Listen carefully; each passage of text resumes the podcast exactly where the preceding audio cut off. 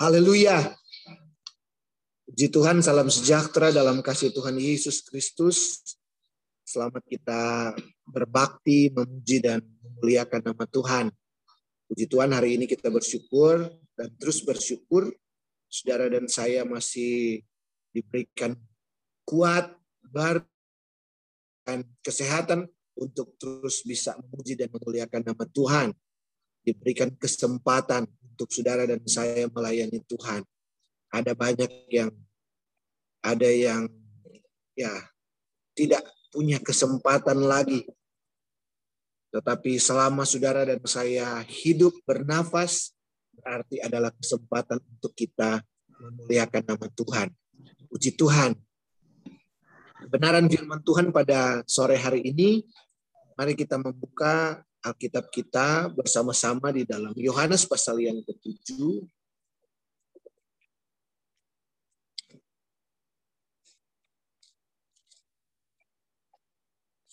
Yohanes pasal yang ketujuh ayat yang keempat puluh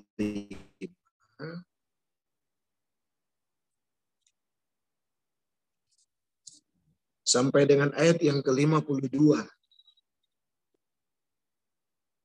Yohanes pasal yang ke-7 ayat 45 sampai dengan ayat yang ke-52 firman Tuhan berkata maka penjaga-penjaga itu pergi kepada imam-imam kepala dan orang-orang Farisi yang berkata kepada mereka mengapa kamu tidak membawanya jawab penjaga-penjaga itu belum pernah seorang manusia berkata seperti orang itu. Jawab orang-orang Farisi itu kepada mereka, "Adakah kamu juga disesatkan? Adakah seorang di antara pemimpin-pemimpin yang percaya kepadanya atau seorang di antara orang-orang Farisi? Tetapi orang banyak ini yang tidak mengenal hukum Taurat, terkutuklah mereka.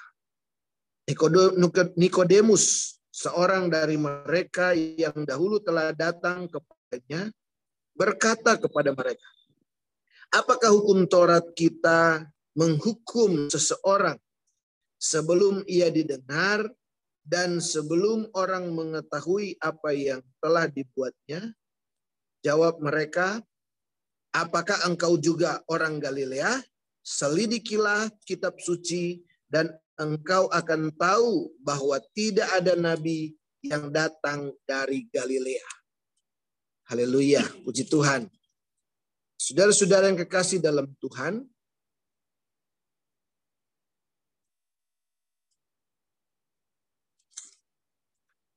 Yohanes pasal yang ketujuh ini kejadiannya di bait Allah. Dari mana itu? Yohanes 7 ayat 14. Waktu pesta itu sedang berlangsung, Yesus masuk ke bait Allah lalu mengajar di situ. Jadi Yohanes 7 ayat 45 sampai ayat 52 terjadi percakapan, terjadi perdebatan, pembahasan tentang siapa Yesus yang mengajar tadi itu, barusan mengajar gitu ya. Yang barusan itu semua orang mendengar pengajaran Yesus. Saudara bisa baca eh, pengajaran-pengajaran Yesus waktu di Bait Allah. Ya.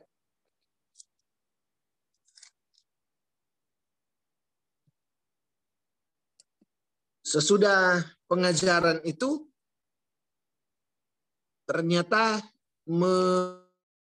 menghasilkan beberapa apa ya persepsi beberapa pandangan dari orang-orang yang hadir. Nah, Yohanes 7 ayat 45 sampai 52 seperti ada sebuah rapat kecil kalau kalau kita membaca itu ya. Seperti ada sebuah rapat kecil antara imam-imam kepala dan orang-orang Farisi yang adalah pemimpin-pemimpin pemimpin umat dengan para penjaga-penjaga yang ada di bait Allah. Para penjaga berarti itu uh, ya itu uh, bawahan dari imam-imam kepala di bait Allah itu ada ada apa namanya struktur ya, ada struktur mulai dari imam besar, kemudian ada imam-imam, imam-imam yang dia punya kelompok-kelompok dan setiap kelompok-kelompok itu ada kepala-kepalanya. Jadi ini pemimpin-pemimpin para imam itu imam kepala. Baru kemudian di Bait Allah juga ada namanya orang-orang Farisi. Mereka adalah ahli-ahli Taurat yang mengajar tentang eh, Taurat, tentang hukum Taurat. Nah, kemudian ada penjaga-penjaga. Sebetulnya penjaga-penjaga itu orang-orang Lewi yang bertugas di Bait Allah yang diatur mulai dari Musa ya itu hukum Taurat mengatur orang-orang Lewi. Walaupun pada zaman Yesus ini sudah mulai campur para petugas-petugas di Bait Allah tidak lagi murni orang Lewi uh, itu ya akibat karena terlalu lama dijajah oleh pemerintah Yunani kerajaan Yunani dan Israel mengalami jatuh bangun kehilangan pemimpin bahkan hampir-hampir kayak mau kehilangan identitas begitu ya.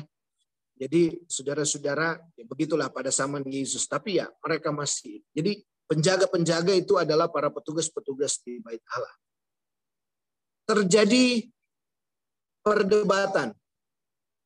Imam kepala meminta pertanggungjawaban dari penjaga. Jadi seperti itu.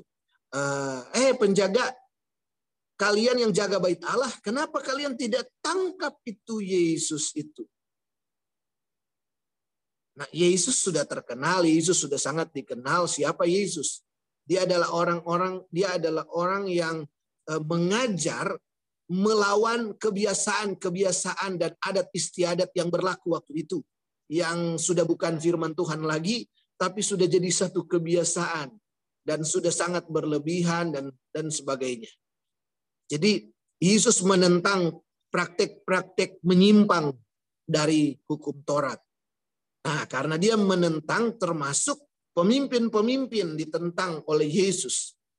Termasuk orang-orang Farisi, kalau saudara bisa eh, saudara kita baca ya firman Tuhan orang Farisi, imam-imam ditentang sama Yesus karena mereka sudah menyeleweng dari kebenaran firman Allah. Jadi orang ahli Taurat, uh, orang Farisi, imam-imam kepala itu sudah memang sudah nggak suka gitu sama Yesus. Mereka sudah nggak uh, tidak suka lagi. Nah, saudara-saudara, firman Tuhan pada hari ini bicara tentang menangkap maksud Tuhan. Nanti kita akan lihat bahwa imam-imam kepala dan orang-orang Farisi tidak berhasil menangkap kebenaran Tuhan. Tidak berhasil melihat kebenaran yang sesungguhnya. Karena apa? Karena sudah ada hal-hal yang tidak baik dalam diri mereka. Ayat 45 mereka mendakwa penjaga-penjaga.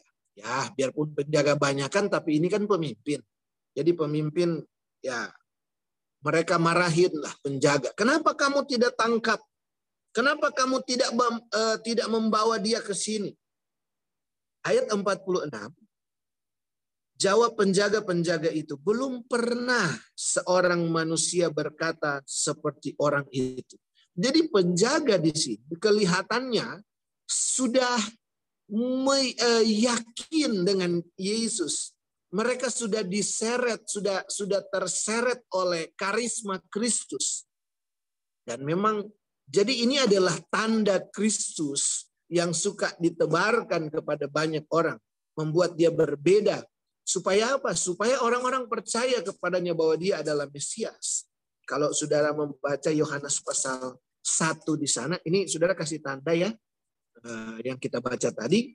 Yohanes 1 ayat yang ke 10 dikatakan, ia telah ada di dalam dunia dan dunia dijadikan olehnya, tetapi dunia tidak mengenalnya.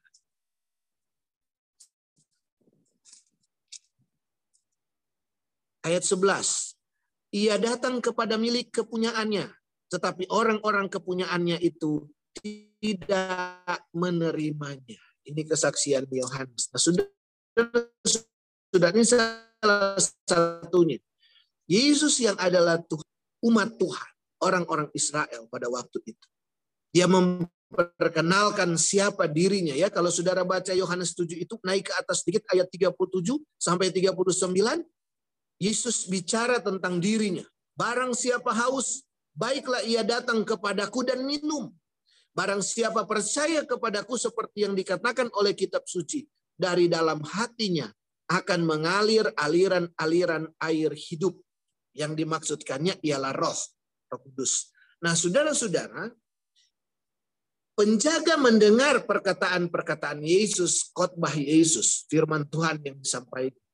Imam-imam kepala dan orang-orang Farisi juga mendengar. Sesudah mereka mendengar khotbah yang disampaikan, mereka rapat di belakang, bisa dikatakan seperti itu ya. Mereka rapat di belakang dan mulai tak panggil imam eh, penjaga. Kenapa kamu tidak membawanya? Tetapi penjaganya bilang, waduh, itu perkataannya itu loh, hikmatnya itu. Jadi eh, sudah ada pen, para penjaga itu sudah mulai menangkap siapa Kristus. Haleluya. Walaupun belum diterangkan di sini apakah kemudian mereka menjadi percaya, tetapi mereka sudah mulai menangkap siapa Yesus. Haleluya. Karena memang tujuannya Yesus kan firman Tuhan katakan bahwa ia datang kepada milik kepunyaannya. Menerangkan siapa dia.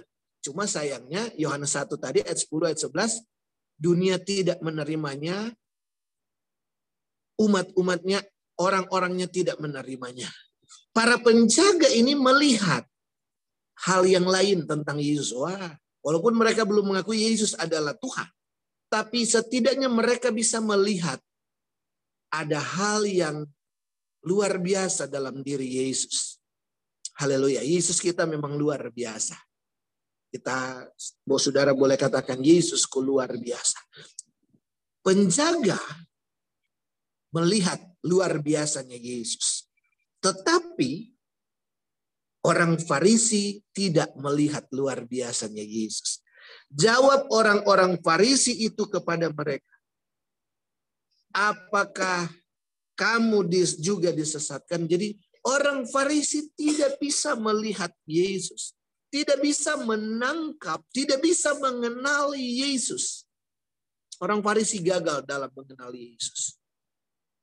Mereka tidak bisa melihat tanda dari sorga. Tanda dari sorga. Tanda dari dari Allah. Mereka tidak bisa menangkap tanda itu. Nah saudara-saudara yang kekasih dalam Tuhan. Mereka tidak peka dengan itu. Kenapa? Karena ada ada hal-hal nanti kita akan lihat beberapa uh, hal berikutnya yang membuat mereka tidak bisa mengenali Yesus. Kita saya bersyukur kepada Tuhan, saudara dan saya diberikan kesempatan untuk mengenali Yesus. Sehingga kemudian kita boleh membuka hati kita dan mengakui Yesus sebagai Tuhan dan Juru Selamat. Kalau kesempatan itu tidak terbuka, hati saya dan saudara tidak terbuka kepada Yesus, maka kita tidak sedang ada dalam keselamatan. Tapi bersyukur kepada Tuhan. Saya dan saudara bisa menangkap tanda dari Tuhan kita bisa tahu itu Tuhan yang benar. Dan saudara dan saya mempercayakan hidup kepada dia. Tuhan, aku jadikan engkau sebagai Tuhan dan Juru Selamat dalam hidupku. Walaupun banyak orang belum, banyak orang masih gagal dengan itu. Banyak orang masih gagal mempercayai Yesus. Jadi ini,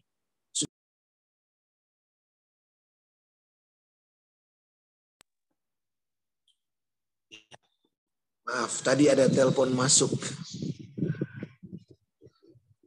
Mereka gagal untuk mengenali Yesus, tapi saudara dan saya tidak gagal mengenal.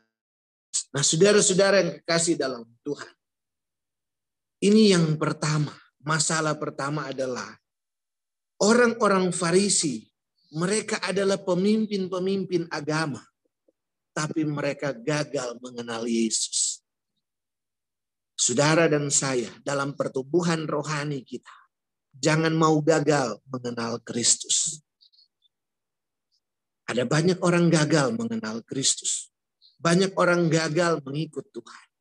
Di gereja sih ada, ada di gereja. Tetapi fokusnya lain. Kan kita kalau ke gereja, nggak semua sama pemikiran. Tidak semua sama di dalam tujuan.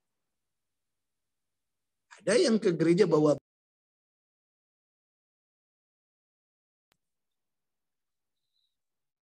ada yang ke gereja cuma ingin ketemu dengan orang lain. Ada yang ke gereja karena banyak uh, banyak fokus ada fokus-fokus tertentu. Tetapi kalau kita mau mengenal Tuhan, kita datang kepada Tuhan ke gereja karena rindu untuk mengenal Tuhan. Sehingga saudara-saudara, kita mau di gereja, mau bukan di gereja, mau ibadah offline, mau ibadah online. Kalau fokus kita kepada Tuhan seperti sore hari ini, saya di mana pun apa pun kesederhanaan yang kita lakukan, saya dan saudara dapat mengenali Yesus. Haleluya. Dapat melihat siapa Yesus yang sesungguhnya. Sehingga menjadi pribadi buat kita. Yesus harus menjadi pengalaman pribadi buat kita. Sehingga bukan dari kata orang. Ayub berkata, Aku hanya mengenal kata dari kata orang tentang Tuhan. Tetapi sekarang mataku sendiri memandang kepada Tuhan. Ya, Ayub 40. Nah saudara-saudara yang kekasih dalam Tuhan kan eh, apa pada zaman perjanjian lama kita bisa menemukan nama-nama Tuhan. Karena Yesus belum ada dalam zaman perjanjian lama. Jadi tokoh-tokoh Alkitab mendefinisikan tentang Tuhan berdasarkan pengalamannya sendiri. Hagar berdasarkan pengalamannya dengan Tuhan. Dia bertemu Tuhan di padang gurun. Dan karena Tuhan berkata, aku tahu kesusahan, aku tahu keadaanmu.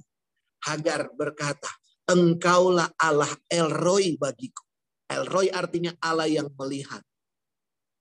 Bagi bagi Hagar, dia adalah Allah Elroy yang melihat kesusahannya. Bagi Abraham, yang tadinya anaknya harus di apa di bahkan kepada Tuhan.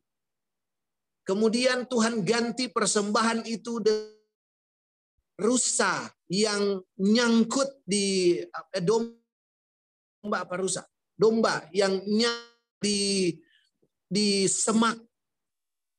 Saudara-saudara yang kekasih dalam Tuhan, sehingga uh, Ishak tidak dipersembahkan kepada Tuhan tapi gantinya adalah domba itu. Berkata, dia adalah Allah Jehovah Jireh, Tuhan yang mencukupi, Tuhan yang mengadakan. Kalau pertanyaan kepada kita, siapakah Tuhan menurut saudara? Siapakah Tuhan menurut saya? Maka kita harus bisa mendefinisikan siapa Tuhan itu. Dan untuk mendefinisikan itu, artinya saudara dan saya harus berhasil mengenal Tuhan pribadi. Sehingga bukan dari kata apa kata apa kata orang atau apa kata oh ajarkan seperti ini, tetapi adalah satu kerinduan kita mengenal Tuhan sama seperti Paulus berkata, yang ku kehendaki ialah mengenal dia. Kata Paulus. Paulus berkata, yang ku kehendaki ialah mengenal dia dan kuasa kebangkitannya. Itu Paulus. Saya percaya saudara dan saya pun rindu untuk mengenal dia. Imam-imam kepala dan ahli Taurat gagal. Gagal. Kenapa? Karena fokus mereka salah. Mereka tidak bisa menangkap tanda itu. Hati mereka tidak terbuka terhadap Tuhan. Sehingga mereka menolak Yesus. Haleluya. Itu yang pertama yang yang kegagalan mereka. Faktor kegagalan mereka. Mereka gagal karena mereka sudah menolak Tuhan terlebih dahulu. Kegagalan yang pertama mereka tidak mengenal dia. Yang kedua ayat 47 dan 48. Jawab orang-orang Farisi itu kepada mereka. Adakah kamu juga disesatkan? Adakah seorang di antara pemimpin-pemimpin yang percaya kepadanya atau seorang di antara orang-orang Farisi? Tetapi orang orang banyak yang tidak mengenal hukum Taurat terkutuk. Yang kedua, malah mereka menghakimi orang lain. Dari mulut mereka berkata, terkutuklah mereka. Mereka mengutuk orang lain. Padahal siapa yang keliru, mereka tidak bisa memahami Tuhan. Mereka tidak bisa menangkap siapa Tuhan. Para penjaga bisa menangkap menangkap pesan Tuhan, bisa menangkap karisma Tuhan. Orang Farisi gagal, tapi yang disalahkan justru orang yang mengenal Tuhan. Jadi ya begitulah, saudara-saudara, kadang-kadang kita iring Tuhan, kita dipersalahkan. Tapi percayalah kalau kita sudah berjalan dalam kebenaran firman Allah. Kita mengenal siapa Tuhan kita maka yakinilah kebenaran firman Tuhan itu. Haleluya. Nah, saudara-saudara, karena mereka tidak mengenal Tuhan, bahasa-bahasa yang mereka keluarkan adalah bahasa penghakiman, bahasa kebencian, bahasa amarah. Yang keluar adalah bahasa-bahasa yang mengutuk dan sebagainya. Itu karena mereka tidak berhasil pada tahap yang pertama, yaitu tahap mengenal Tuhan. Saudara-saudara yang kekasih dalam Tuhan. Sehingga mereka mulai menghakimi, ya. Padahal tidak boleh menghakimi. Firman Tuhan katakan Matius 7 apa? Lihat dulu, jangan apa melihat selumbar di mata saudaramu, tapi balok di matamu sendiri engkau tidak lihat. Ya, Itulah karena orang tidak berhasil mengenal Tuhan, tidak berhasil menangkap Tuhan, akhirnya yang keluar adalah bahasa kebencian. Yang keluar bahasa penghakiman. Padahal Tuhan tidak pernah mengangkat dia menjadi seorang hakim. Nyalahin saja, nyalahin saja, nyalahin saja. Ya, itulah. Itu menjadi kesalahan yang kedua. Baru kemudian kembali Ayat yang kelima, yang ketiga kita lihat pelajaran dari tujuh ini.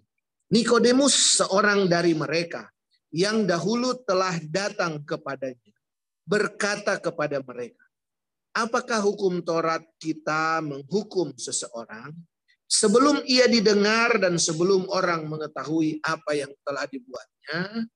Jawab mereka, apakah engkau juga orang Galilea? Selidikilah kitab suci dan engkau akan tahu bahwa tidak ada nabi yang datang dari Galilea. Ini yang ketiga. Orang-orang demikian tidak bisa lagi menerima koreksi positif. Tidak lagi bisa menerima nasihat-nasihat. Sudah ada eh, apa kebodohan yang beku Kebodohannya sudah menjadi beku. Tidak bisa lagi dikoreksi. Tidak bisa lagi, uh, ya itu, sudah bengkok.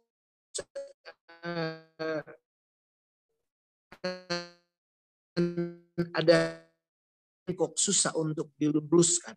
Tapi saya percaya oleh kasih karunia setiap manusia harus masih bisa diluruskan. Tetapi saudara yang kekasih dalam Tuhan ayat 50 sampai 52 ternyata imam kepala dan orang Farisi justru sudah diluruskan. Ada yang tidak bisa diluruskan seperti Firaun tidak bisa lagi diluruskan. Imam kepala orang Farisi Nikodemus meluruskan hanya mengingatkan saja tentang sebuah prosedur yang tidak boleh dilanggar bahwa ketika mengadili seseorang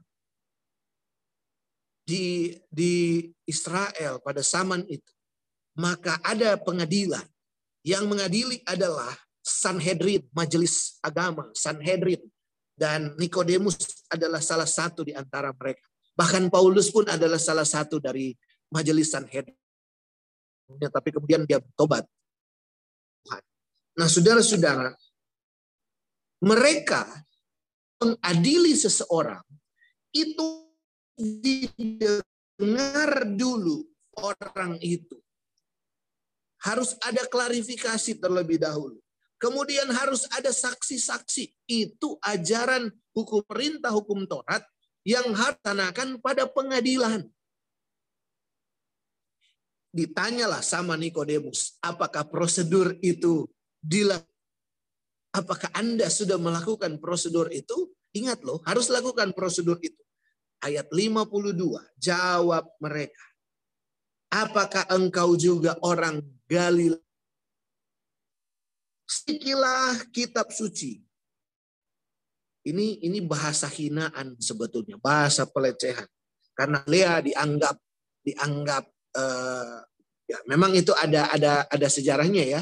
Kenapa orang Galilea ini dikucilkan? Karena mereka kan itu ya dari dari Sebulon dari apa?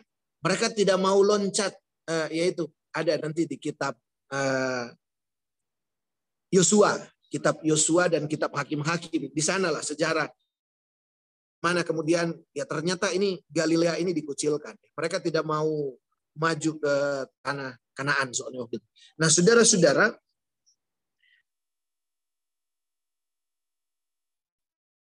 orang-orang Farisi koreksi dari Nikodemus. Apakah engkau orang Galilea? Selidikilah kitab suci dan engkau akan tahu bahwa tidak ada nabi yang datang dari Galilea. Karena sudah hati ketika koreksi datang ditolak mentah-mentah. Malah ngomongnya ngelan Kitab suci tidak ada nabi yang datang dari Galilea. Nah, saudara-saudara, kenapa omongan ini melantur? Padahal mereka ahli Taurat. Dari A sampai Z, Taurat, hukum Taurat mereka hafal. Yesaya pasal 8 ayat yang kedua adalah bagian yang terlewatkan oleh orang-orang Farisi dan imam-imam kepala ini. Di dalam Yesaya pasal yang ke-8 ayat yang kedua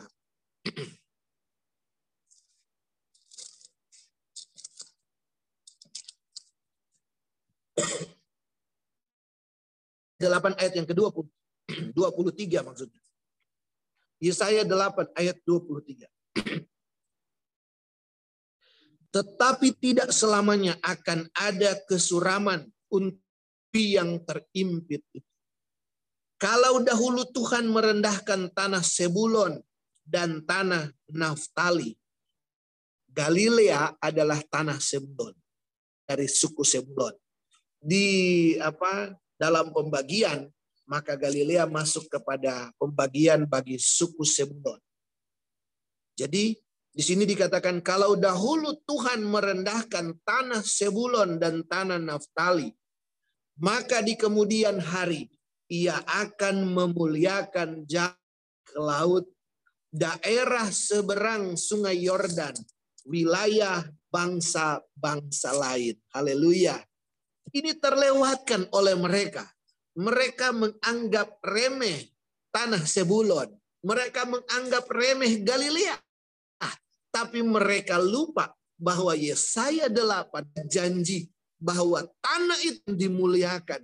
Dan rupanya mereka tanpa mereka tahu sedang mempermuliakan Galilea itu juga. Nah, saudara-saudara sedang kedatangan Yesus orang Galilea itu adalah penggenapan Yesaya 8 ayat yang ke-23. Nah, saudara-saudara, tapi karena mereka sudah tidak bisa menerima koreksi lagi, hati mereka sudah keras. Memang paling susah kalau dikoreksi. Lebih enak kita menegur orang daripada ditegur. Tapi saya percaya saudara dan saya adalah orang-orang yang rindu. Karena kita bukan orang yang sempurna. Justru kalau tidak ada koreksi lagi bagi kita, hati-hati jangan-jangan saudara dan saya sedang menuju ke tempat yang salah dan kita menjadi orang yang paling malang karena tidak ada yang bisa mengkoreksi kita. Tetapi bersyukur kepada Tuhan, ada firman Allah, ada anak-anak Tuhan yang ditempatkan di sisi saudara dan saya. Ada hamba-hamba Tuhan, ada kita yang saling membangun, saling bekerja sama, saling saling menasehati satu dengan yang lain. Karena kita manusia. Kita butuh dikoreksi. Kita butuh uh, apa nasihat, nasihat.